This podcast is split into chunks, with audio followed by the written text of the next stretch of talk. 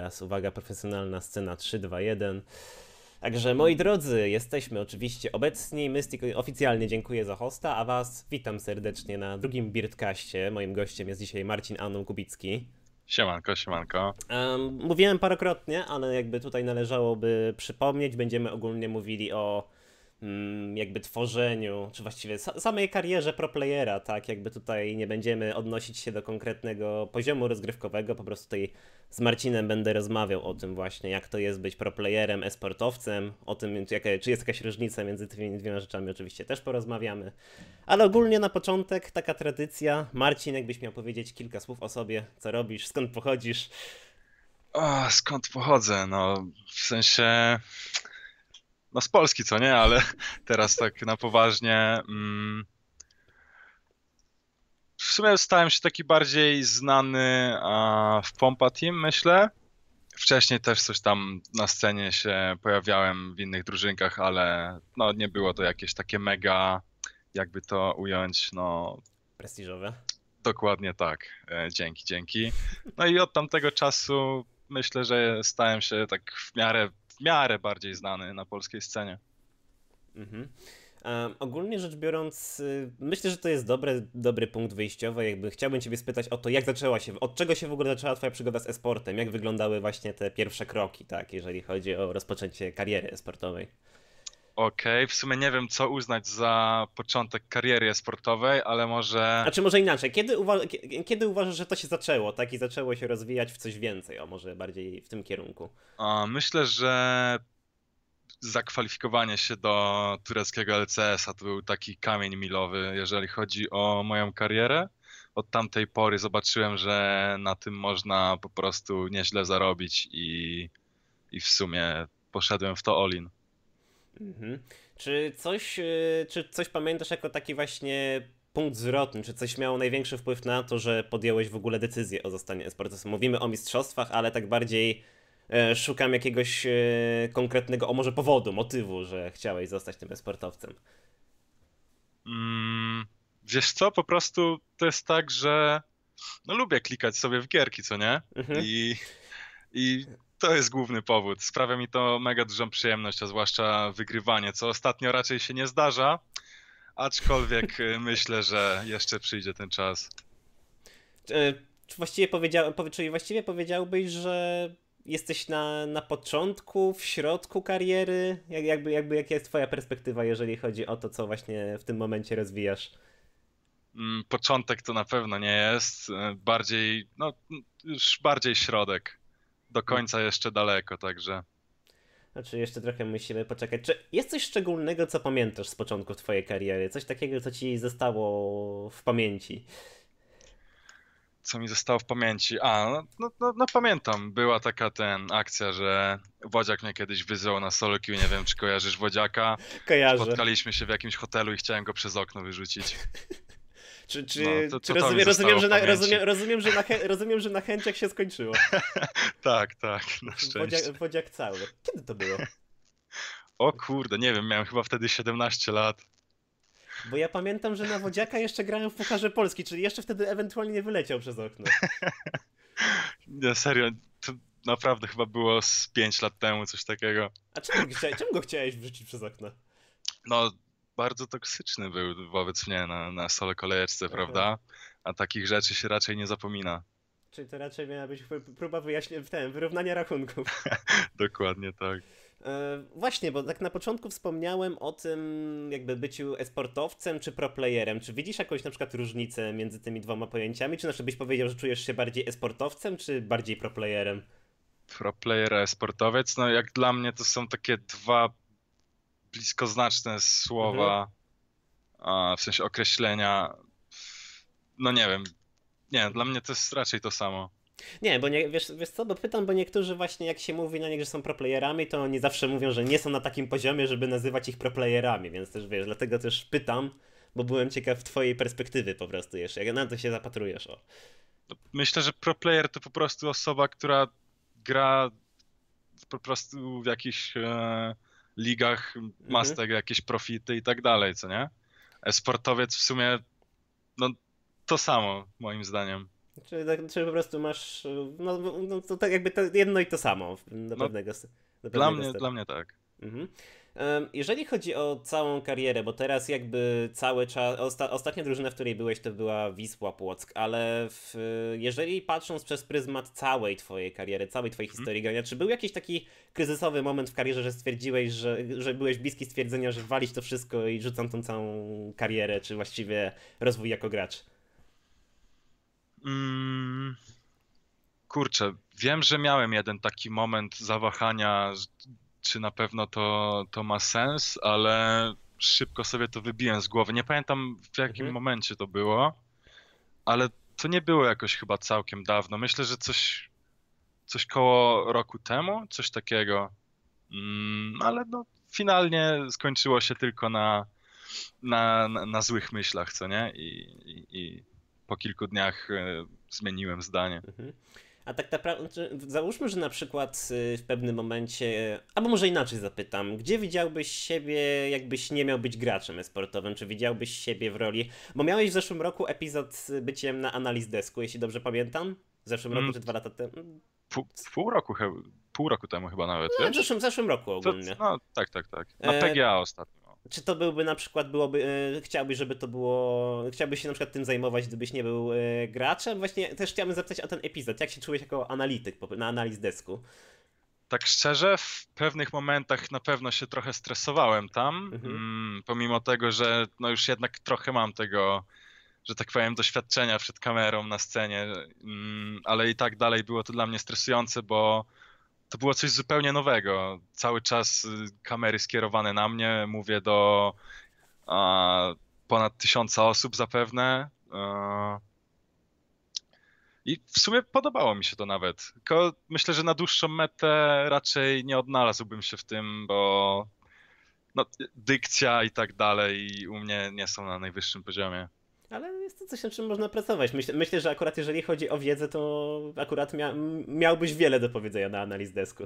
Mm, To prawda, ale właśnie no, nie wiem, jakby to było na dłuższą metę, naprawdę nie wiem. Mhm, ale tak czy owak, no, uznajesz to za bardzo pozytywny epizod. Mhm. Em, jako, pro, jako pro player, jakie ma, jakbyś miał sobie wyznaczyć jakby jakieś takie najważniejsze cele w twojej karierze, jakbyś jakiś taki ideał czy cel, do którego dążysz, co to by było? Jako pro player. Mm, wiesz co? To wygląda tak, że raczej nie mam takich swoich e, celów jako, jako pro player, żeby dostać się tam jakoś na Worldsy i tak dalej, czy Mhm. czy do jakiegoś leca, czy coś takiego. Tylko dla mnie, ja mam bardziej taki life goal, żeby po prostu z tego całego e-sportu uzbierać sobie e, no całkiem ładną sumkę na, na powiedzmy zakup fajnego mieszkania, samochodu i, i myślę, że to jest mój taki long term life goal póki co. Czy właściwie kto, ktoś, mógł, ktoś mógłby powiedzieć, że to trochę materialistyczne podejście. Mm, Albo raczej ekonomia, Ale- finansowo-ekonomiczne, no może tak.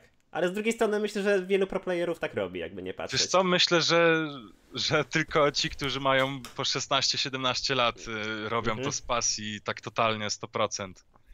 A, a raczej już, no nie oszukujmy się, nie należy do, do Mhm. no dalej jestem młody, ale no do nastolatka już, już trochę mi daleko, w sensie no, no wiesz o co chodzi, co nie? I, i raczej Mhm. muszę inaczej patrzeć na, na, na te perspektywy. Nie, no to jak najbardziej oczywiście e, zrozumiałe. E, o to już byłeś pytany jakby raz, ale też chciałbym powtórzyć to pytanie właśnie, jeżeli chodzi o tą górną alejkę, na której grasz, bo o tym, o tym nie wiem, czy wspomnieliśmy, czy że grasz na topie, ale tak e, jakby ktoś jeszcze Mhm. tutaj nie, nie wiedział. E, czy jest jakiś top laner, albo był, bądź jest oczywiście, wzorem do naśladowania, jeżeli to jest taki, mm, patrzysz na gościa i chciałbyś, stwierdz, stwierdzałeś, bądź stwierdzasz, że chciałbyś grać tak jak on. Okej, za, za takich moich, e, że tak powiem, młodzieńczych lat a, bardzo dużo czasu spędzałem na streamach y, Dyrusa i, i Kubona. Na, na Mhm. nich się totalnie wzorowałem i próbowałem grać postaciami, którymi oni grają. A,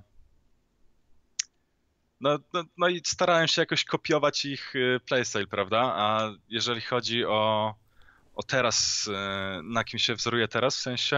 Mm, Raczej, raczej no jeżeli chodzi o to, to myślę, że po prostu koreańscy toplanerzy, nie? Mm, Mhm. Ich głównie teraz oglądam i, i po prostu staram się wynieść coś z ich e, gameplayu. Bardziej oglądasz y, ich streamy, replaye, czy na czym, się, na czym się głównie wzorujesz? Dużo czasu spędzasz na przykład analizując y, takie właśnie replaye albo właśnie nagrania z gier? Mm, Nie, tak szczerze to spędzam na tym bardzo mało czasu, ale mm, jeśli już, to oglądam sobie po prostu Mhm. albo jakieś LCK z rana, Mhm. a, pff, albo po prostu lec, co nie, wieczorami. Mhm. No też właśnie myślę, że wiele osób jakby też nie patrzą to z tej perspektywy, ale jakbyś miał opisać taki e, typowy dzie- dzień z życia takiego właśnie gracza profesjonalnego, jak to wygląda w dniu, kiedy masz na przykład screamy, treningi, jak to, jak, jaki jest twój harmonogram dnia? Masz na przykład dużo, dużo wolnego czasu dla siebie w międzyczasie, czy tak raczej, raczej słabo z tym? Okej, tak szczerze wydaje mi się, że mam naprawdę dużo wolnego czasu. Nawet jeżeli gramy powiedzmy od 15 do 18, od 19 do, 20, sorry, do Mhm. 22, a, to wydaje mi się, że mimo wszystko, no niby jest to 6 godzin przeznaczone na, na jakieś tam screamy, rozmowy i tak dalej, ale pomimo tego wydaje mi się, że dalej mam dużo czasu w ciągu dnia na robienie tego, co chcę. A, a to, jak wygląda jakiś, jakiś harmonogram gracza, to wydaje mi się, że każdy inaczej do tego podchodzi. Jedni sobie chcą jeszcze coś w międzyczasie, nie wiem, zrobić na mieście, pójść na siłkę czy coś takiego. Dla mnie to, to wygląda tak, że po prostu od niedawna wstaję sobie codziennie o jakiejś 7-8, Mhm. klikam solo queue. No to taki normalny, totalnie dzień. Jeszcze tam śniadanko jakieś wpadnie. Co, solo queue, obiad, co nie? Screamy i no, no i tak to, tak to leci, nie? Mhm. Ale- Jeszcze, jeszcze a, siłownia do tego, co nie? Od czasu do czasu. Mhm. I tylko tyle w sumie. No tylko tyle i aż tyle tak naprawdę można byłoby powiedzieć, bo to właściwie też byłem właśnie ciekawy, jak to wygląda z wolnym czasem, ale jakby już obrałeś to jakby tą ścieżkę pro playera i jakby na chwilę obecną nie, nie masz za bardzo jak z niej zbo zboczyć, jeżeli tak to ujmę.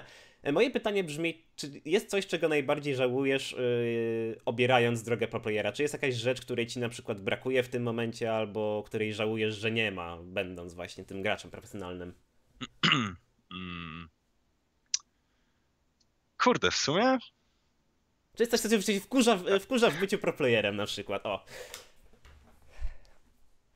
Mm, jedynym problemem jest to, że jeżeli powiedzmy mam te screamy codziennie z jednym dniem wolnym w tygodniu, to problem jest z tym, żeby spotkać się z dziewczyną, co nie? Mhm. A tak to wszystko totalnie mi pasuje.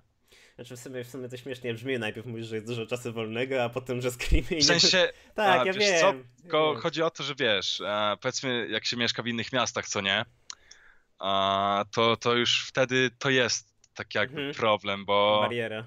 No, no, no, ale zawsze pozostaje ten jeden wolny dzień. Chociaż wtedy też wypadałoby jednak pograć sobie troszeczkę solo queue, a jadąc gdzieś, no totalnie cały dzień sobie przekreślasz. No to akurat, akurat byś, o, o tym możemy porozmawiać, ale to już po tym, po streamie. Nie wiem, pod- dość, podobną sytuację. E, czy powiedziałbyś, że jakby droga do bycia prograczem jest pełna wyrzeczeń? Mm.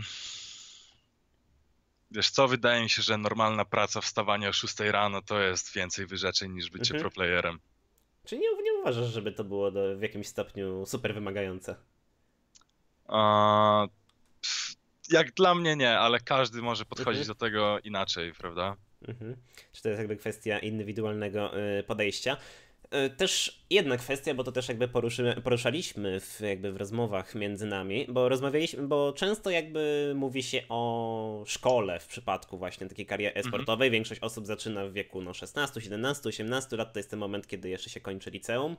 E, Czy jak wygląda kwestia edukacji, kiedy próbujesz właśnie rozwinąć się e-sportowo? Jak to wyglądało w Twoim przypadku? Bo pamiętam, że ch- chyba w pewnym momencie przerwa przerwałeś edukację, jeśli się nie mylę.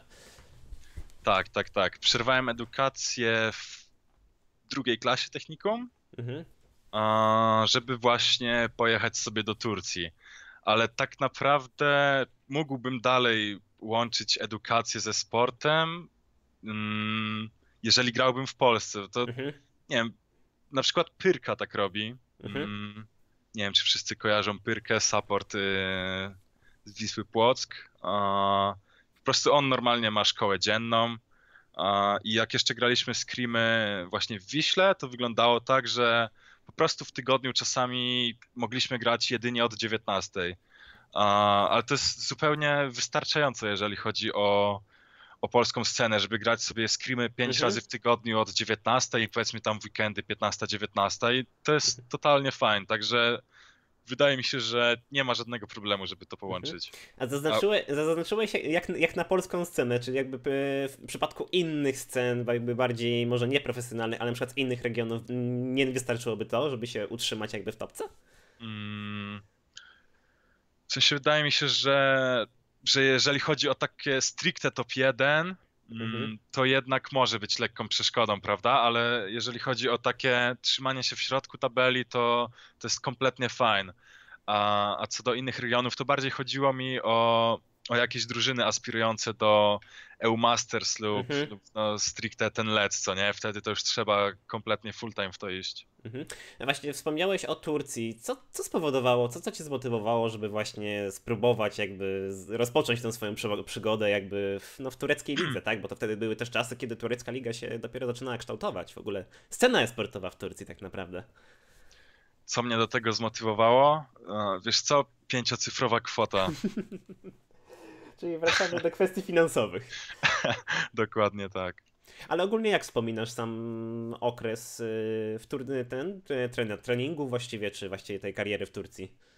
A co, poziom wtedy w tej Turcji był kompletnym dnem.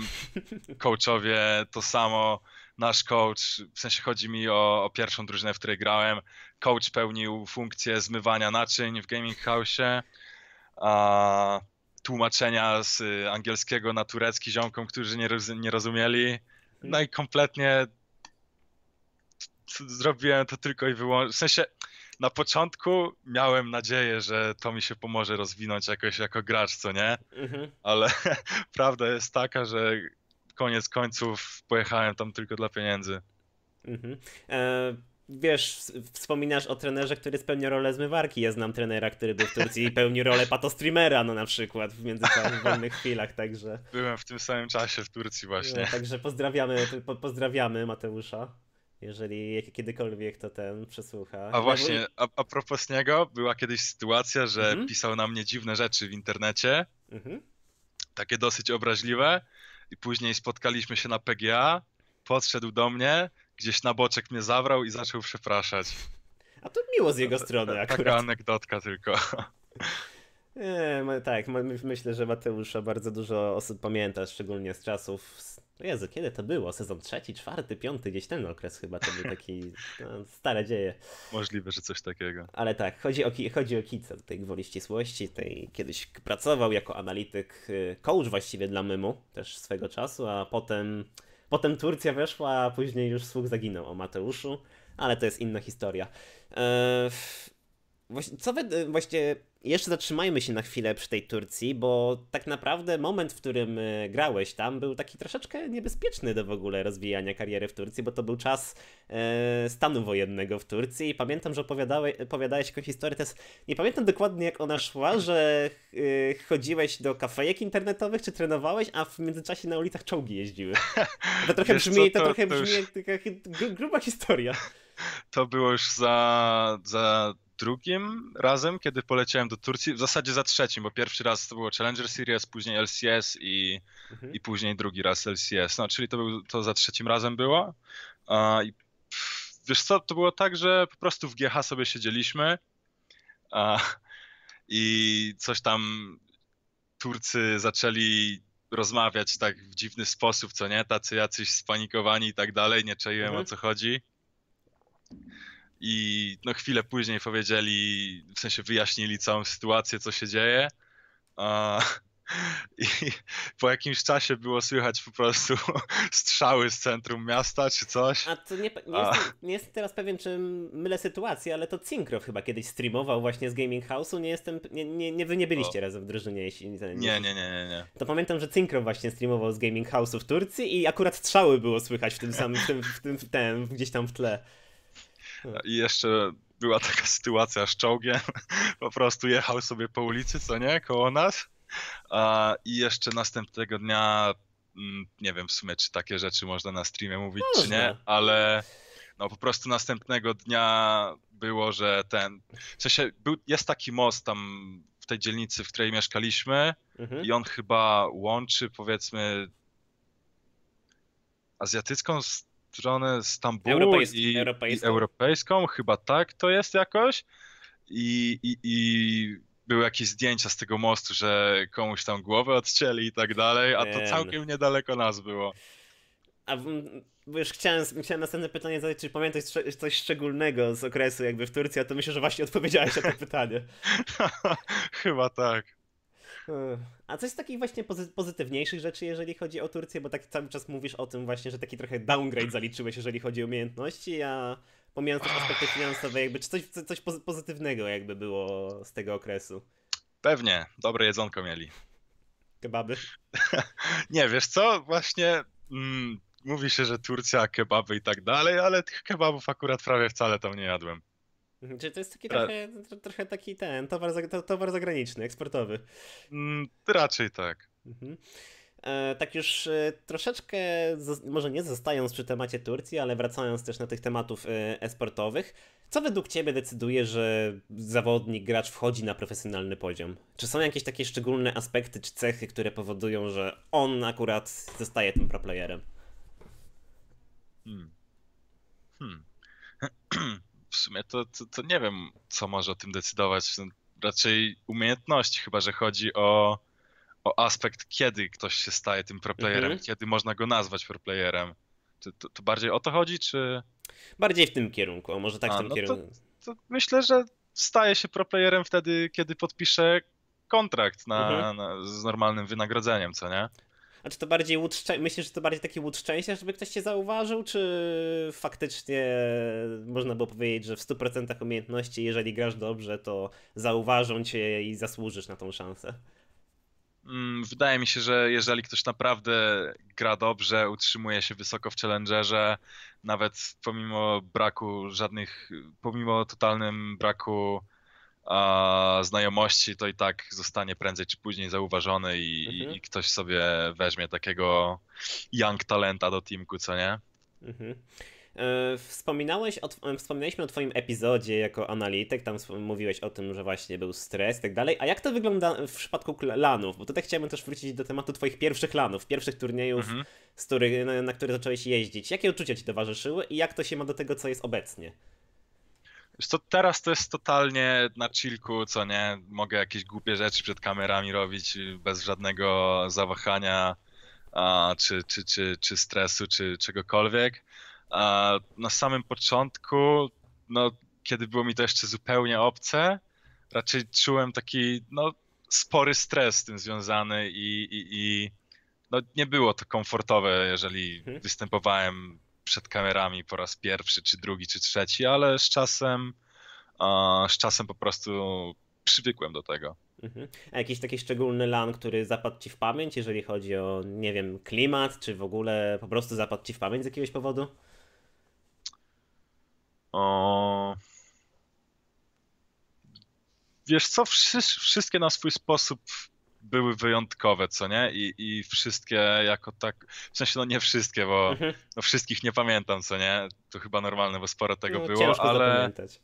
ale jakoś w żadnym nic takiego mega szczególnego nie było, wszystkie były ok. A tutaj Azem, ten Azem wymienia Omen w Pradze. Jestem ciekaw, dlaczego akurat ten turniej. O, takich wolę nie pamiętać. A właściwie dlaczego? To, to jakby, pod, pod jakim, jak już tak zatrzymajmy się na chwilę, dlaczego jakby wolisz nie pamiętać tego turnieju? Okej, e, przyjeżdżasz sobie na lana, siadasz Mhm. na stanowisko, Tam były opóźnienia dużo z tego co Tak, tak, tak, ale już kij z tymi opóźnieniami, to do tego każdy jest, jest przyzwyczajony, co nie? Ale Siadasz sobie na stanowisko, zaczynacie grę, nie działa ci mikrofon, nie działają ci słuchawki, mówisz to organizatorom, przynoszą ci nowe, znowu nie działa mikrofon, znowu nie działają słuchawki, no jakaś wada komputera, co nie? Co teraz robić? No nic, grajcie tak. No. No to, to, trochę, to trochę brzmi jak taki żart najgorszego sortu. niestety to nie jest żart. Mhm. Ale więcej chyba było tych lanów, na których faktycznie organizacja była dobra i wszystko działało i faktycznie miałeś przyjemność z tego, że zagrałeś na tym turnieju. Mm, tak, zdecydowana większość. Mhm. E, to jest też moment, w którym wam przypominam, że oznaczając mnie możecie teraz zadawać jakieś pytanie, które ja potem oczywiście przeczytam Annownowi. An Unknown? No, unknown, no. Unknown, no, no, tak, tak, trochę, tak, trochę ten, dziwnie się to odmienia, więc jeżeli macie jakieś pytanie do Marcina, to oczywiście walcie śmiało, zapytam na, yy, na koniec. Yy, pytaliśmy o Lany, ale jeszcze nie pytałem cię, bo właściwie to, to dla, dla, kogoś, kto zagrał jakby dużo lanów, to jest jakby normalna sprawa, albo jakby atmosfera na lanach. Co, jaka jest różnica względem grania online? Bo dla ciebie to jest oczywiście, to jest, to jest na swój sposób oczywiste, ale dla kogoś, kto nigdy nie grał, to może być no już zupełnie inna kwestia. Mm, wiesz co, najfajniejsze w tym wszystkim jest to, że, że możesz spotkać się z drużynką po prostu, jeżeli jest się jeszcze dobrymi ziomeczkami, to naprawdę mega przyjemnie spędza się czas. Mhm. I myślę, że to jest takie, takie super. No i oczywiście zupełnie inaczej gra się online i offline, prawda? Mhm. Online raczej jesteś w takiej strefie swojego komfortu, że nikt na ciebie nie patrzy, nikt nie patrzy na twoje ręce, nie wiem, możesz sobie podubać w nosie czy coś, mhm. jeśli musisz, a jak już grasz na tym lanie, to raczej trzeba mhm no, w sensie dla niektórych myślę, że to jest całkiem, w sensie bez różnicy, że czują się i tak dobrze, w sensie i offline, i online. Ja tak mam, że, że jest mi to totalnie bez różnicy, ale myślę, że u niektórych to może powodować stres, przez który, mhm. Przez który po prostu grają gorzej. W sensie na pewno tak jest, ja też tak miałem i wątpię, żeby, żeby ktoś tego nie przechodził też. Ale no, jeżeli chodzi o, o, właśnie offline, online, to raczej w większości gra się lepiej w domach, prawda? Bo mhm. akurat no, jesteś przyzwyczajony do, do, do, do wszystkiego, a tak to po prostu no na nowo musisz się przyzwyczaić do nowego biurka, tak jakby w sensie czy czegoś tam i... No, wszystko, wszystkie wtedy, ustawienia, tak, tak, konfiguracje. Tak. Mhm. I wtedy może to być dla kogoś kłopotem. Mhm, bo na przykład y, słyszałem o przypadkach, gdzie na przykład niektórzy zawodnicy nie są w stanie zagrać bez własnej klawiatury i myszki. Znam nawet przypadki, gdzie niektórzy kupują sobie po kilka sztuk tej samej klawiatury czy myszki. Y, nie, nie pamiętam, czy to teraz Connective albo Raindrop, który, któryś z nich chyba mi to kiedyś opowiadał, że ma po kilka ten, po kilka sztuk y, właśnie myszek czy klawiatur i oni mają to zawsze na wypadek, gdyby jedne się zepsuły, to oni zawsze będą mieli drugą i jakby się ta kolejna zepsuła, to kolejną sobie wezmą. Wiesz co, ja na pewno, jeżeli gdzieś na lanie musiałbym grać nie na swoim sprzęcie, to jestem w 100% przekonany, że, że no nie zagrałbym na 100%, bo jednak, mhm. Jednak to robi różnicę. Już nieważne, czy to jest klawiatura za 5 zł, czy 5 milionów, to totalnie nie ma znaczenia, tylko bardziej chodzi o, o to, że przyzwyczajasz się do sprzętu, co nie? Wiesz, mhm. gdzie, no tak. wiesz, jakie ma rozłożenie klawiszy i tak dalej, i tak dalej. Mhm. Ale częściej zdarzają się turnieje, gdzie możesz korzystać ze własnego setupu, czy raczej częściej to są turnieje, gdzie masz z góry ze względu na sponsorów, etc. narzucone właśnie sprzęt? Teraz już w 99% przypadków raczej gra się na swoim sprzęcie. Mhm. Nie, to to akurat y, myślę, że no, oczywiście, że bardzo jest e, pozytywne. E, Rozmawiamy o jakby karierze proplayera, powiedzieliśmy o Turcji, a też yy, niedawno zacząłeś streamować właściwie, no trochę, trochę częściej, o może tak to ujmę. Mm -hmm. Jakie masz przemyślenia na temat streamowania? Jakby pierwsze, pierwsze takie myśli, które przyszły ci do głowy, jak zacząłeś się bardziej wdrażać w streamowanie? Wiesz co, na pewno dużo gorzej gram na streamie niż, mhm. niż normalnie. Nie, nie wiem, czym to jest spowodowane, ale, ale tak jest i po prostu zauważyłem to w momencie, gdy na streamie przegrałem chyba 7 gier z rzędu, totalnie intując, wyłączyłem stream i 15 minut później nagle zacząłem wszystkich kopać, co nie? I, i to mi dało do myślenia, że, że no muszę coś z tym zrobić. W sensie nie wiem kompletnie czemu tak mam, bo nie stresuję się tym ani nic. Nie, mhm. nie wiem czemu tak jest. Totalnie nie wiem czemu tak jest. Może kwestia Jak... podzielności uwagi, nie? Właśnie wydaje mi się, że może być przez to, że że właśnie bardzo dużo uwagi poświęcam na czytanie czatu podczas gry i, i mhm. to jest takim elementem, który może mnie bardzo mocno rozpraszać i przez to właśnie no, idzie tak jak idzie na tym streamie. Czyli tak, nie wiem, jakbyś chciał climbować, to raczej nie robiłbyś tego na streamie. Mm, raczej bez streama. W sensie myślę, że wszystko jest do ogarnięcia jakoś i i znowu spróbuję jakoś e, mhm. streamować z tym, że mm, będę raczej podczas gry mniej, mniej czasu poświęcał na czytanie czatu, a więcej mhm. na, na jednak e, mhm. klikanie w myszkę, klawiaturę. A z takich przemyśleń, tak już abstrahując od gry, ale z takich przemyśleń dotyczących jakby samego streamowania? Myślisz, że na przykład mógłbyś być streamerem na pełen, na, pe, na pełen etat, gdyby nie, gdyby nie właśnie kariera profesjonalnego gracza? Wydaje mi się, że nie. Nie sądzę, żeby, żeby moje streamy miały jakiś taki czynnik, który, który przyciąga dużo osób. W sensie raczej jak streamuję, to staram się streamować stricte gameplay i wydaje mi się, że to nie jest ciekawsze dla takiego szerszego grona. Wydaje mi się, że właśnie widownia w Polsce lubi po prostu pajacerkę. A w tym raczej nie odnajduje się na streamie. Czyli raczej konkretne granie, konkretny stream z, z, gier na wysokim poziomie. To jest raczej coś, co. To jest, to jest, to jest kierunek, w którym na przykład chciałbyś, żeby te streamy wyglądały? Czy masz jakiś pomysł? Tak, tak, tak, tak.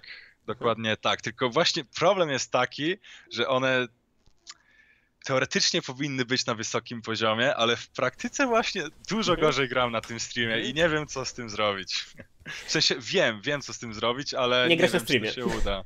Nie, nie, nie, nie, nie. W sensie, no po prostu, tak jak mówiłem, mniej, mniej uwagi poświęcać na czat, co nie? Mhm. Ale będzie ok. Właśnie wspomniałeś o tym, że ludzie w Polsce lubią pajacerkę, a nie uważasz, że to też jest jakby kwestia poza Polską? Na przykład, dajmy na to, nie wiem czy pamiętasz, Tyler One kiedyś organizował własne mistrzostwa i to było takie trochę półprofesjonalne, półpajacerkę, ale widownie miał naprawdę świetną przy tym. On chyba przebił bodajże w ogóle LCS-y, LAC. Uważasz, że to jest charakterystyczne dla Polski właśnie? Taka może popularność pajacerki? Nie, nie, nie wiem jak to określić, ale myślę, że to jest akurat blisko, mhm. blisko znaczne określenie. Kurczę, wiesz co, w sumie to nie jestem pewien, czy to, czy to tylko w Polsce jest takie zjawisko, ale w sumie, w sumie raczej nie. Mhm. Raczej za granicą jest tak samo, może nie na taką skalę, ale myślę, że, że, że, że jest podobnie w sumie. No bo u nas na przykład w Pol na przykład jakby daleko nie szukając przykładów na polskim podwórku, u nas na przykład mamy Pajaloka, tak, który ma te swoje streamy z gotowania, czy InReal, nie wiem czy jakby znasz samą osobę Pajaloka. Mm, widziałem jakiś jeden stream z tego, jakieś shoty dziwne, ale mhm. ogólnie nie za bardzo wiem. Mhm no, czym się zajmuje mhm. ten ziomek. Ale jak, no, no, właśnie patrząc przez pryzmat polskiego podwórka można zauważyć, nie, że takie streamy y, in real, czy właśnie takie streamy pajacerskie, one przyciągają rzesze ludzi. No, no tak naprawdę, czy nawet Xayo, o, nawet żeby daleko, niedaleko nie szukając, to są streamy, które gromadzą po kilka, kilkanaście no, tysięcy ludzi. Mhm. W sensie ja nie jestem fanem spędzania czasu na streamach, także moja mhm wiedza w tym temacie nie jest e, mhm. jakaś obszerna, więc, więc ciężko mi cokolwiek takiego sensownego powiedzieć na ten temat. Mhm. Czy patrząc przez. Już wrócimy troszeczkę, zejdziemy z tego jakby trochę tematu streamowania, wrócimy też tutaj do profesjonalnych e, igrzysk, rozgrywek, jeżeli tak to można określić. To jest pytanie, które właściwie zastanawiałem się, czy tobie zadać, ale co myślisz o tym, żeby esport był na olimpiadzie? Jakby jeżeli chodzi o ten temat, to właśnie Komitet y, Olimpijski pracuje nad tym, żeby esport pojawił się w jakiejkolwiek formule na Igrzyskach Olimpijskich. Jestem ciekaw, jakie są twoje przemyślenia na ten temat. Czy, powi- czy to powinien być sport, czy nie powinien? Okej, okay, jeśli mam być szczery, mhm. jest mi to tak bardzo obojętne, naprawdę totalnie whatever mi to nie mam zdania kompletnie. Nie, czemu ma mi zależeć, żeby esport był uznany jako sport? W sensie mhm. nic mi do tego, co nie? Wydaje mi się, że bardziej mm, to boli te osoby, które zajmują się tym normalnym sportem, nie sportem, że, że ktoś nazwie jakiegoś grubasa siedzącego przed komputerem sportowcem, co nie? Więc... Ale to też taki stereotyp jakby z tym właśnie otyłą osobą, która siedzi przed komputerem i niszczy swoje życie grając w gierki. No dobra. Czy nie, no bo teraz jakby też, e, to też o to chciałem zahaczyć właśnie, że jakby będąc graczem też często musisz się stosować do jakby różnych rygorów, tak, dieta, czy właśnie ćwiczenia i tak dalej, bo też nie możesz sobie pozwolić na to, żeby po prostu fizycznie też czuć się źle, grając po prostu w gry komputerowe. Mm, to fakt akurat. Mhm. Mhm. E, tutaj tak e, oczywiście przypominam, że możecie zadawać pytania do Marcina, także oczywiście piszcie na czacie, oznaczajcie akurat czy Marcin ogoli się na żywo na streamie, to raczej nie, nie wiem, czy jest sens go pytać. Tak, akurat, nie zrobię tego. Tak, akurat tutaj była dyskusja dla tych, co oczywiście siedzą na Twitterze. Dzisiaj Marcin właśnie zapytał o to, czy jest jakiś taki sposób, żeby sobie na spokojnie, na, na zero ogolić sobie głowę. To kolega mu dał wszystkie rady, wytłumaczył co i jak. Po czym po pół godzinie konwersacji właściwie okazało się, że koledze nie chodziło o głowę i stwierdził, że on w tym momencie zmywa się z konwersacji, więc ja no nie wiem o jaką część ciała mu chodziło i chyba nie chcę wiedzieć. Sądzę, że o twarz. Tak, ale my, tak, myślę, że myśl, myślę, że mogło chodzić o twarz. E, teraz tak rozmawiamy cały czas, tak, tak trochę krążymy wokół tych lig profesjonalnych. Mhm. E, pierwszy mecz, czy właściwie pierwszy sezon, w którym byłeś w Ultralidze? Jakby, co sądzisz o samej inicjatywie, jeżeli chodzi o polskie podwórko? Do tej pory miałeś albo turnieje organizowane przez Fantazy Expo, albo właśnie ESL. I teraz nagle wchodzi Ultraliga. Jakby, co sądzisz o tej samej inicjatywie? Jakie są twoje przemyślenia na temat y, tej serii? Wiesz co, wydaje mi się, że polska scena bardzo czegoś takiego potrzebowała. Potrzebowaliśmy ligi, w sensie mieliśmy już jakieś turnieje i tak dalej Mhm. Ale wydaje mi się, że takie turnieje raz na trzy miesiące, tak jak było, że, bo było tak, że do roku były dwa razy Mistrzostwa Polskie i dwa razy Puchar Polski. Mhm.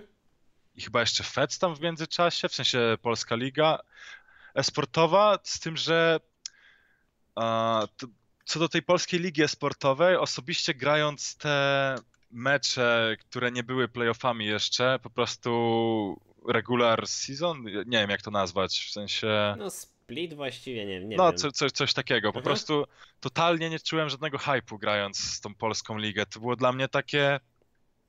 No nie wiem, właściwie po co ja to gram, co nie? Dla pieniędzy, żeby no, zarobić. No teoretycznie tak, ale w praktyce to tak nie wyglądało. Po prostu średnio, nie wiem, to w ogóle nie było jakoś wyhypowane, wydaje mhm. mi się, było takie whatever, co nie? A ta Ultraliga a, wprowadziła na polską scenę taki totalny hype na mhm. właśnie na, na ten esport i w sensie już wcześniej był jakiś hype na esport, ale, ale Ultraliga wzniosła to na taki totalnie next level i, i właśnie od y, czasu, kiedy pojawił się sezon zero, tak totalnie się zmotywowałem do, do, do grania jeszcze, jeszcze więcej, jeszcze mhm. po prostu, żeby stawać się lepszym i rywalizować sobie w tej lidze. Czyli właściwie Ultralidze, można powiedzieć, że Ultralidze udało się zbudować coś, czego uda nie udało się zbudować Fantasy Expo, czyli takiej otoczki takiej właśnie tej sportowej, takiego hypu, takiego właśnie faktycznie tej, takiej kompetytywności, chyba to jest słowo, którego szukamy tutaj. Mm, no, w sumie to tak. Uh, właśnie nie, nie, nie wiem, jaka była różnica między. W sumie, w sensie. Mm, jakby to wytłumaczyć? Właśnie Ultraliga sama w sobie. A, tak jakby jakoś dba o tych graczy. W sensie wchodzi w interakcję z nimi na Twitterze też po prostu jakiś hype na nich nakręca, co nie? Mhm. A, a jeżeli chodzi właśnie o polską ligę, to nie wiem, totalnie nie czułem mhm. w ogóle tej polskiej ligi w social mediach, bo to jeszcze niby, niby nie była era Twittera w Polsce, bo teraz już powoli wydaje mi się, że ten Twitter staje się mega popularny, tak swoją drogą. Mhm. A, to jakoś, no po prostu nie budowali tego hypu na social mediach i, i po prostu przez to to nie było takie, aż nie było takiego oparcia na to. Ale jednak długo się reklamowali jako inicjatywa z największą pulą nagród, jakby nie patrzeć no z pulą nagród może tak, co nie? Każdy, mhm. każdy myślę, że z chęcią przytuli 46 tysięcy za pierwsze mhm. miejsce. Ale pamiętam e, swoją drogą, jak jeszcze chyba właśnie tam coś robiłem przy Polskiej Lidze Sportowej, był epizod, gdzie oni chyba na trzy dni przed jakimś turniejem, oni dopiero zapowiedzieli dni i godziny. Ja pamiętam, że e, na czacie byłeś bardzo wkurzony właśnie o to, że oni tam przełożyli te terminy, aż wyszedłeś z konwersacji. Często się o, zdarzają właśnie wydaje takie... Mi się, to było raczej chyba coś takiego, że mieliśmy grać od jakiejś ósmej czy dziewiątej rano do, do, do, do, do nocy. Mm, chyba taka akcja była właśnie z Polską Ligą i Mhm. kompletnie wyśmiałem ich. W sensie, wiadomo, można teraz to porównać do tego, że no nie wiem, no y, mój stary chodzi do, ten, do pracy w kopalni i tak Mhm. dalej i nie narzeka, ale no dobra, jeżeli, jeżeli chcą mieć powiedzmy ligę na najwyższym poziomie, to, to średnio, żeby ktoś grał przez 10 godzin No wiadomo. non-stop i myślę, że te ostatnie mecze już byłyby takie kompletnie od niechcenia. No wiadomo, profesjonalny gracz musi cały czas się pokazywać dobrze, no dobra, ale po, po x godzinach to już to nie działa tak No, samo. po byciu na nogach od rana do wieczora to jest zupełnie inny temat, mi się wydaje. Dokładnie tak. Teraz, moi drodzy, tak jak mówię, tutaj teraz tak patrzę jeszcze na wasze e, pytania oczywiście. O, ale to na razie, o, kiedy, na, kiedy będzie na streamie Rumble? To, to ewentualnie, py- to, to takie bonusowe, rozgrzewkowe pytanie do ciebie, Marcin. Może jutro, może jutro. Ja się zastanawiam, skąd ten Rumble nagle, ten, nagle Co? Rumble wyszedł. Był taki stream, w sensie przez dwa albo trzy dni streamowania cały czas gadałem o Rumblu, że o tutaj Rumble byłby dobry, o muszę przećwiczyć ten matchup Rumblem, a zagrałbym sobie Rumblem. Tak wyglądały moje streamy. Dokładnie tak. Pocket. E, Za nami, moi drodzy, 45 minut podcastu. Oczywiście przypominam po raz kolejny, że możecie zadawać pytania. Te pytania oczywiście e, przeczytam. E, Dla tych, co dopiero przyszli, jakby mówimy o rozwoju kariery esportowca, ale też nie tylko, zahaczamy jakby o tematy tutaj poboczne, także tutaj no, nie staramy się nie skupiać wokół jednego tematu. Jeszcze bym biednego Marcina zanudził pytaniem cały Spokojnie, czas spokojnie. esport, esport, także e, na razie przy tym, no myślę, że na razie jest całkiem fajnie i przyjemnie. Mhm. E, niemniej, e, to jest coś, o, co, o czym rozmawialiśmy prywatnie, ale też myślę, że warto o to zapytać, nie, nie wnikając w szczegóły za bardzo. E, będąc graczem, czy jesteś w stanie z tego się samodzielnie utrzymać? A może tak zapytam. A na dzień dzisiejszy myślę, że bez problemu. Mm, W przeszłości raczej nie było to takie kolorowe. Mm, Jak jeszcze nie było żadnych takich profesjonalnych organizacji, to praktycznie pieniądze były tylko i wyłącznie z turniejów. Mm, Ale od jakiegoś czasu właśnie pojawiły się te wszelkie organizacje i Mm, Zależy jeszcze jakiego kalibru, kalibru graczem się jest, prawda? Jeżeli jest się takim kompletnie nieznanym na scenie jeszcze, to raczej, ra, raczej nie, ale Mhm. jeżeli ktoś ma jakąś markę, powiedzmy, zna swoją wartość i po prostu jest dobry w tym, co robi, to, to bez żadnego problemu. Mhm. E, e, właściwie zatrzymajmy się na chwilę na tej polskiej scenie. Czy jakbyś miał jakby poziomem jakby uwartościować jakoś polski region, jeżeli chodzi o poziom gry w Lola, tak jako, no og- ogólnie nawet to określmy. Jakbyś miał porównać z innymi regionami, to byś postawił Polsce, Polskę gdzieś w czołówce, czy raczej gdzieś w środku, czy nawet na dole jakby takiej swoistej tabeli? Wydaje mi się, że na dzień dzisiejszy jest to totalna czołówka. Nie wiem, czy zaliczać do tego wszystkiego Rogue, które nie jest tak w pełni polskim zespołem, ale biorąc pod uwagę, że w drużynie francuskiej chyba nie ma żadnego Francuza, to myślę, że można Rogue do tego zaliczyć również. Także wydaje mi się, że to jest taka totalna czołówka i mamy dwie ekipy, które są na totalnie wysokim poziomie, właśnie Devil Swan i, i Rogue, Mhm. Które mogą sobie właśnie tam rywalizować na tym EU Masters i jeszcze pomijając te dwie drużyny mm, mamy również IHG, które całkiem nieźle sobie koniec końców radziło, czy, czy też Pride, które również e, grało całkiem dobrze. Mm, I myślę, że te drużyny są tak w stanie rywalizować, o ile nie totalnie ograć drużyny z trzecich, czwartych miejsc z innych regionów. regionów. Mhm. E, wspominasz cały czas o Devil's One i HG, wymieniasz, ale nie wymieniłeś Wisły Płock. Dlaczego? Jakby nie ko- patrzeć. ko- jakby, kompletnie zawiedliśmy. Nie ma co się okłamywać. Ale tak jakby wiem, wiem, że to nie może mieć do końca wygodny temat, ale jak myślisz, czego zabrakło Wiśle Płock, żeby być w tej czołówce polskich drużyn? Mówimy oczywiście o Wiśle Płock z obecnego sezonu Ultraligi, który właśnie się zakończył. Zaangaż zaangażowania od niektórych graczy na pewno zabrakło. A, nie, nie, nie, każdy brał to na poważnie, tak mi się wydaje. Mhm. Czyli właściwie zabrakło takiego, no jak sam wspomniałeś, zaangażowania po prostu w sam projekt, jakim była Wisła Płock. No, mogę powiedzieć po prostu tyle, że nie każdy z tego składu dawał swoje, zdawał z siebie 100% i nie, nie, nie mhm. każdy przykładał się tak jak powinien do, do treningów i, i, i no i tyle. Mhm. E, wspomnieliśmy o social mediach, mówiłeś o Twitterze właśnie, który bardzo dobrze się rozwija, cały czas idzie do przodu i może, możemy się chyba oboje zgodzić, już nie pytając o to, że to jest jakby powoli zaczyna robić, być przodujące social media, jeżeli chodzi o polski e-sport, czy w ogóle o e-sport tak naprawdę. Czy uważasz, że w tym momencie za profesjonalny zawodnik jest w stanie jakby istnieć bez social mediów, bez tego promowania się w internecie? Wydaje mi się, że naprawdę ciężko o to. W sensie, mm, skąd mają ci kojarzyć ludzie, jeżeli nie masz social mhm. media? Hmm. Tak naprawdę, no okej, okay, jeżeli grasz super dobrze, pokazujesz się gdzieś na jakichś turniejach, ale no, nie macie w social mediach, to, to w sumie skąd ci ludzie mają wiedzieć, kim jesteś, jaki jesteś i tak dalej. I wydaje mi się, że, że, że trzeba mieć te social media. Mhm. E, mówiłeś mi o tym, czy dość tak dosadnie się wyraziłeś na temat e, Facebooka, że jest to raczej social media, na które nie warto poświęcać czasu. Jakby, jaka jest przewaga Twittera nad Facebookiem, Twoim zdaniem, jeżeli chodzi nawet o tworzenie tych social mediów, czy gdzie widzisz plusy? Okej, okay, pierwsza sprawa. Wydaje mi się, że o wiele łatwiej jest to interakcje z fanami na, na Twitterze, bo po prostu uh, twoje zasięgi nie są ucinane. Każdy, kto ma to zobaczyć, to, to zobaczy, mhm. napisze jakiś komentarz, zlajkuje to, ty możesz mu odpisać, bo dostajesz powiadomienie za każdym razem, co nie?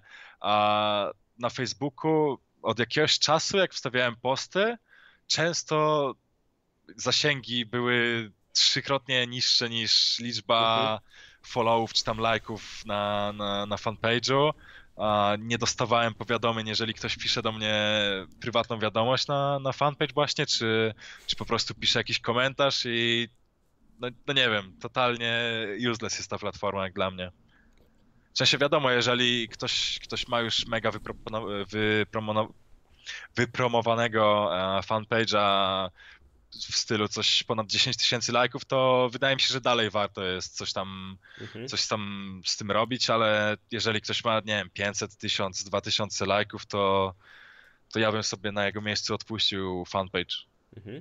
A czy ktoś, kto według Ciebie obserwuje, bądź chciałby obserwować ogólnie e-sport, czy nawet polską scenę e-sportową, jeżeli tak, tak, tak to można określić, to Twitter jest dla niego obowiązkowy, czy raczej opcjonalny?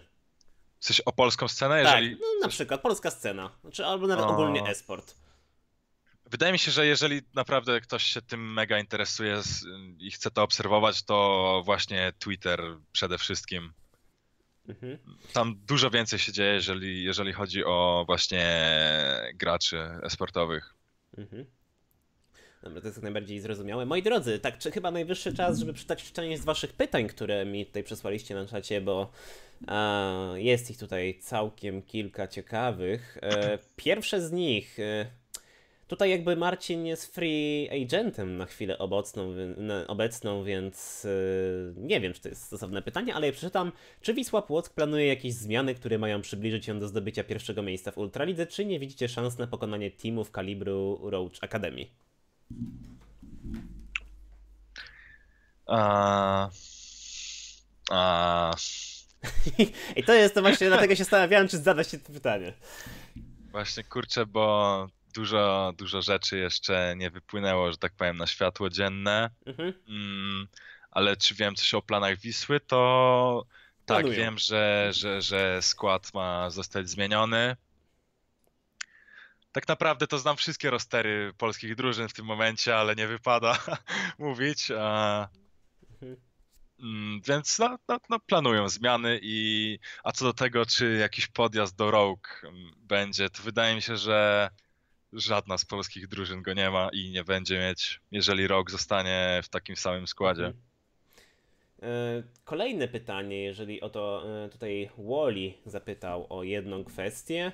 E, możesz zapytać, co Anną myśli o niskich wymaganiach Riotu do prosów w sprawie dywizji solo queue. Riot wymaga tylko diamenty, co sprawia, że dużo prosów niezbyt interesuje się solo kolejką.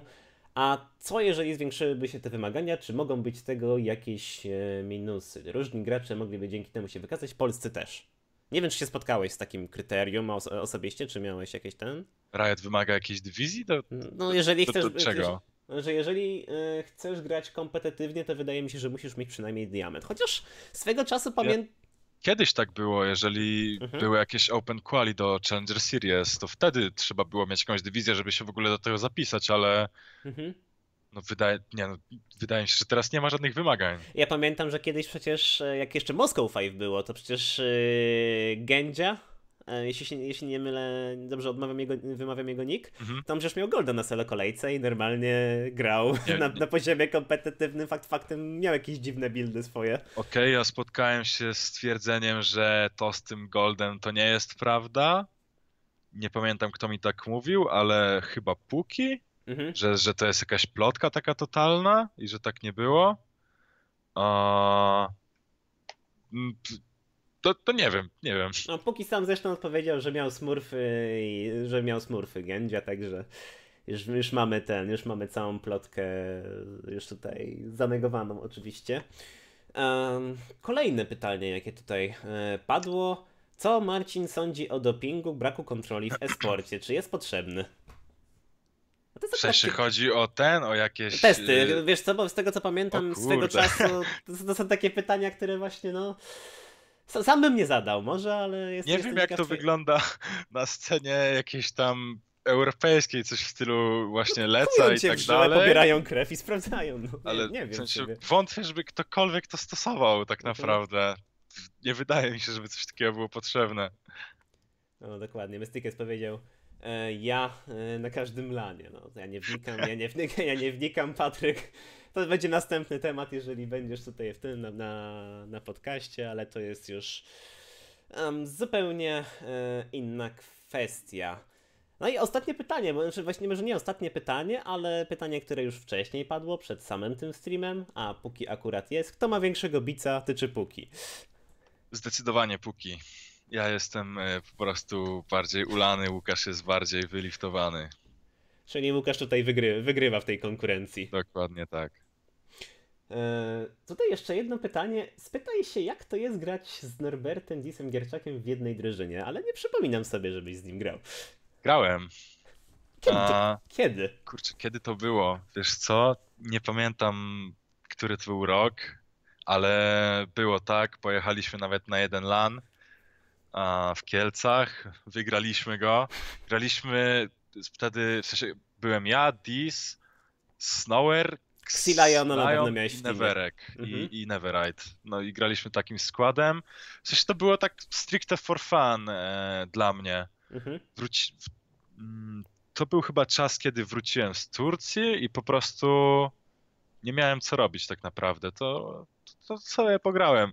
W sensie, mhm. Myślę, że miałem jakieś powody ku temu, coś w stylu, że no Dis to może jednak e, ten, da mi jakiegoś kopa do popularności i tak mhm. dalej, co nie, pro player from Turcja wrócił, prawda, no ale koniec końców tak się nie stało i to była totalna zabawa. Czyli po prostu taka pojedyncza zabawa, przygoda, którą po prostu gdzieś tam, gdzieś tam ewentualnie wspominasz. Dokładnie tak, było fajnie. Mhm. E jest jeszcze właśnie, jest jedna kwestia, o którą chciałem zapytać. Dla graczy, którzy grają kompetytywnie, to jest jakby kolejna z rzeczy, która jest dość oczywista, ale dla kogoś, kto jakby patrzy z zewnątrz, może to nie być takie oczywiste. Czemu właściwie, skąd yy, wziął się taki eksodus proplayerów na Westa? Jak to jest, że na przykład ci wszyscy proplayerzy siedzą na tym jednym serwerze, w przypadku Europy, a na przykład nikt nie siedzi na Nordyku? Jakby, yy, jakbyś miał wypowiedzieć się w tej kwestii? Mm. O kurde, wiesz co? I właściwie, sumie... No bo w tym momencie, wiesz, można powiedzieć, że przez to rośnie poziom Westa tak naprawdę, no jakby nie patrzeć. To, to już się przyjęło mhm. Mm, jakiś czas temu, w sensie bardzo długi czas temu, że po prostu ci lepsi gracze po prostu grali na łeście. W sensie nie wiem jak to do końca było, bo ja sam jestem z tych graczy, którzy zaczynali na iście, co nie? Pamiętam. I po prostu. A nawet było graliśmy. No, w teamie byliśmy. tak, tak. I po prostu też w pewnym momencie przeniosłem się na Westa, jak już osiągnąłem jakiegoś tam wysokiego challengera na iście. I po prostu słyszałem, że, że na Westie grają właśnie lepsi, tam jest wyższy poziom, więc sam mhm. dlatego, dlatego to zrobiłem. No i faktycznie tak było, bo z Challengera na iście utrzymywałem się w jakimś e, masterze na Westie, prawda? Mhm. Mm. I nie wiem czemu tak jest, tak po prostu się przyjęło, co nie? I, i, i deal with it. Mhm. Ale też mi się wydaje, że większość też y, tych, y, tak teraz jak nawet sam się zacząłem zastanawiać, to mi się wydawało, wydaje, że większość tych regionów, gdzie faktycznie ten LoL był mocno rozwinięty i stamtąd też pochodzili ci no, do, bardzo dobrzy gracze, to większość właśnie była po stronie zachodu niż wschodu w pewnym momencie. Przynajmniej tak zgaduję teraz. A to jest też, myślę, kwestia mocno dyskusyjna, bo ja pamiętam, jak był chyba sezon drugi, trzeci i była ta mapka z tym podziałem tych serwerów, to ja pamiętam, że właśnie Polska była takim krajem granicznym, to może tak jak ostatni przystanek przed piekłem zwanym Nordic East, a właśnie tam cała reszta tam na zachód razem właśnie z Niemcami, Francją, Anglią i właśnie pozostałymi krajami Europy Zachodniej kilka lat temu jeszcze słyszałem jakieś plotki, że ma polski serwer w ogóle wyjść, czy coś takiego. Lepiej nie. w sensie, no to było naprawdę no, kilka lat temu, takie bardziej y, 5-6. Mhm. A to też, znaczy, też słyszałem, ale na przykład mi osobiście no, nie wydaje mi się, żeby to był dobry pomysł. To nie, to nie byłby dobry pomysł.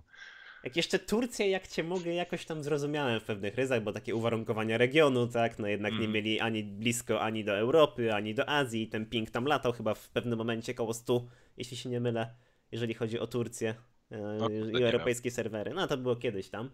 Ale no wydaje mi się, że polski serwer nie zdałby egzaminu. Na dłuższą metę raczej nie. Mhm. E, właściwie powoli przechodząc do końca, bo już cała, prawie cała godzina tego podcastu się mm, uzbierała. Czy, czy, masz jakieś plany, jeżeli chodzi o najbliższą przyszłość? Czy jako gracz, czy jako, nie wiem, to zabrzmi trochę górnolotnie, ale jako człowiek? Czy to jest coś, co pla planujesz, że właśnie zrobić w najbliższym czasie? Coś? Okej, okay, w najbliższym czasie, jeśli chodzi o życie prywatne, to planuję w końcu się wyprowadzić, co nie, od rodziców. Mhm. To to już raczej stanie się w niedalekiej przyszłości, w wakacje. A co do planów jako gracz,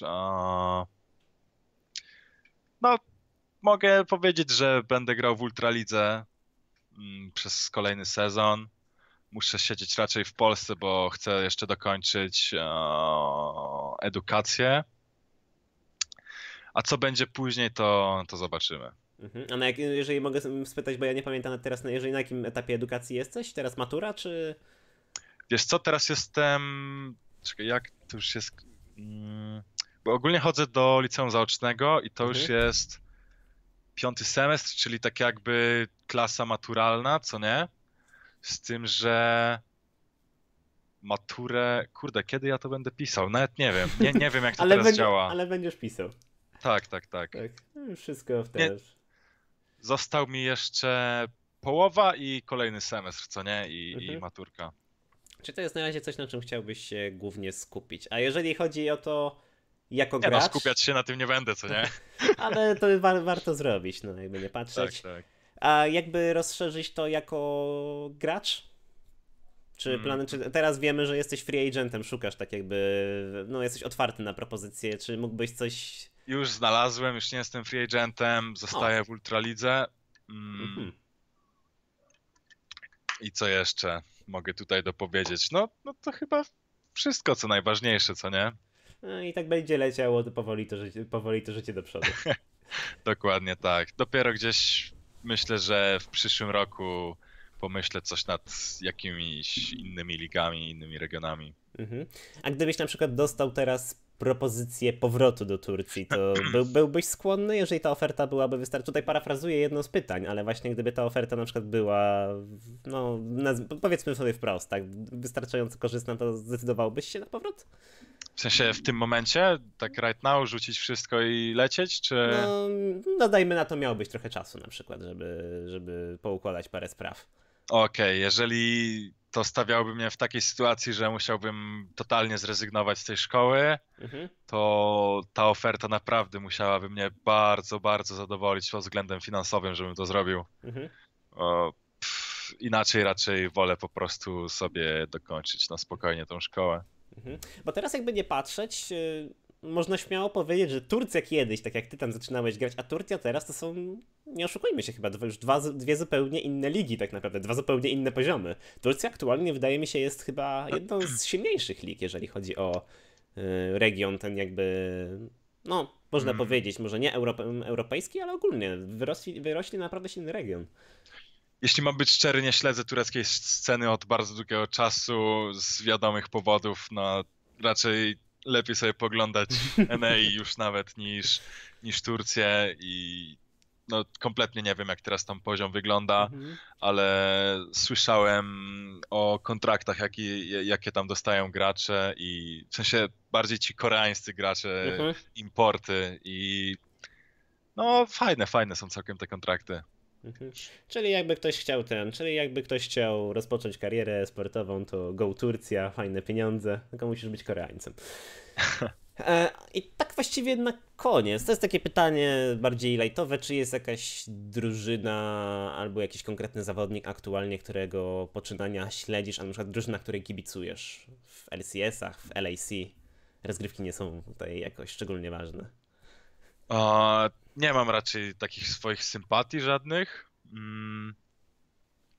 Miałem jak jeszcze Dyrus grał, prawda, w TSM. A, a tak to wszyscy są mi teraz raczej tacy obojętni, nie mam, nie mam żadnych bliższych relacji z żadnymi zawodnikami. W sensie, no, jeżeli mm, jak Mystic grał w LCS-ie, to bardzo mocno mu kibicowałem, a, mhm. a tak to wszyscy są mi totalnie whatever w tym momencie. Mm, no tutaj mógłbym jeszcze jedno, jedno pytanie zadać i mnie, mnie, jakby mnie kusi tutaj, bo chciałem właśnie spytać o jakieś takie, czy wytworzyły ci się jakieś bliższe relacje właśnie dzięki graniu kompetytywnemu z jakimiś właśnie ludźmi, z którymi grałeś w międzyczasie. No może, może o tym mowa, jeszcze zahaczmy o to na koniec. Dobra, jeśli mam być szczery, to w moim przypadku to wygląda tak, że mhm. totalnie, w sensie byłem taką osobą, która miała całkiem sporo znajomych in real. Wychodziłem sobie codziennie gdzieś tam w jakąś piłkę pograć i tak dalej. ale z biegiem czasu totalnie zaniedbałem wszystkie te realne, że tak powiem, kontakty, w sensie mhm. osoby, które poznałem, nie wiem, w szkole czy gdziekolwiek. Totalnie zaniedbałem wszystkie te relacje i i pff, chyba teraz nie zadaję się z żadną osobą, którą poznałem właśnie w szkole czy coś. Wszyscy, wszyscy moi znajomi są właśnie teraz stricte z gry, co nie? I, i nie, nie, widzę totalnie w tym nic złego, bo, mhm. bo to są ludzie, których często widuję, chodzę sobie z nimi gdzieś, nie wiem, no wszystko inne, normalne totalnie rzeczy. Czy właściwie można powiedzieć... A, kontynuuję, bo już widzę, że chciałeś mm. powiedzieć coś generalnie poznałem dziewczynę prze, przez właśnie przez tę mhm. grę, poznałem naprawdę dobrych przyjaciół, kolegów, więc, więc no nie wiem, tak jak mhm. mówię, nie widzę totalnie nic złego w tym. Czyli, czyli jakbyś miał powiedzieć, to esport, no w Polsce dajmy na to, to bardziej otwarta czy bardziej zamknięta? Bardziej otwarta czy zamknięta społeczność? O, wydaje mi się, że, że naprawdę bardzo otwarte. Jeżeli ktoś nie jest jakimś, nie wiem, ziomkiem z 15 punktami IQ czy coś, to, to, to myślę, że, że łatwo o, o kolegów. No dokładnie, także moi drodzy, jako że nie macie z tego co widzę więcej pytań, to już jest ten moment, kiedy właściwie zmierzamy, czy właściwie dotarliśmy do końca, to już prawie ponad godzina materiału, także kto tam będzie mógł i będzie chciał, to będzie miał, no, du du dużo do obejrzenia, nadrobienia, jeżeli chodzi o YouTube'a czy yy, Twitcha. Tak czy owak, moi drodzy, w tym momencie zmierza... już dotarliśmy właściwie do końca, także dziękuję Wam bardzo za obecność na podcaście. Mam nadzieję, że Wam się bardzo podobało. Moim gorcie... gościem był Marcin Anun Kubicki. Hej, to ja. Dokładnie, także Marcin, Marcina oczywiście bardzo chętnie zaproszę jeszcze nie raz, jak będzie potrzeba. Ludzie pytają na koniec, kiedy łysy będziesz. Możliwe, że zrobię to po streamie, możliwe, że zrobię to jutro rano. Także Azym, mam nadzieję, że Cię usatysfakcjonowałem tą odpowiedzią. Przypominam, te podcasty odbywają się co dwa tygodnie i w, co dwa tygodnie staram się, żeby gość był z pełnie różnej kategorii. I to jest jakby kolejna tradycja, poza tym, że jakby każe każdemu gościowi się oczywiście przedstawić na początek, że powiedział parę słów o sobie z własnej perspektywy, to na koniec także zapowiadam kolejnego gościa, także w tym momencie mogę powiedzieć z czystym sercem, że gościem za dwa tygodnie będzie w podobnej porze. Wydaje mi się chyba, że Mikołaj, bo tak jakie jest imię tej osoby, będzie miał problemy z dotarciem jakoś, to Mikołaj Silvan Sinacki będzie kolejnym gościem, jeżeli chodzi o podcast za dwa tygodnie. Także porozmawiamy z nim, jeżeli chodzi o no, właściwie komentatorkę i e, nie tylko. Także ja się z wami będę rozłączał, będę się z wami żegnał, także dzięki jeszcze raz za to, że byliście, tak jak mówię, za dwa tygodnie kolejny podcast.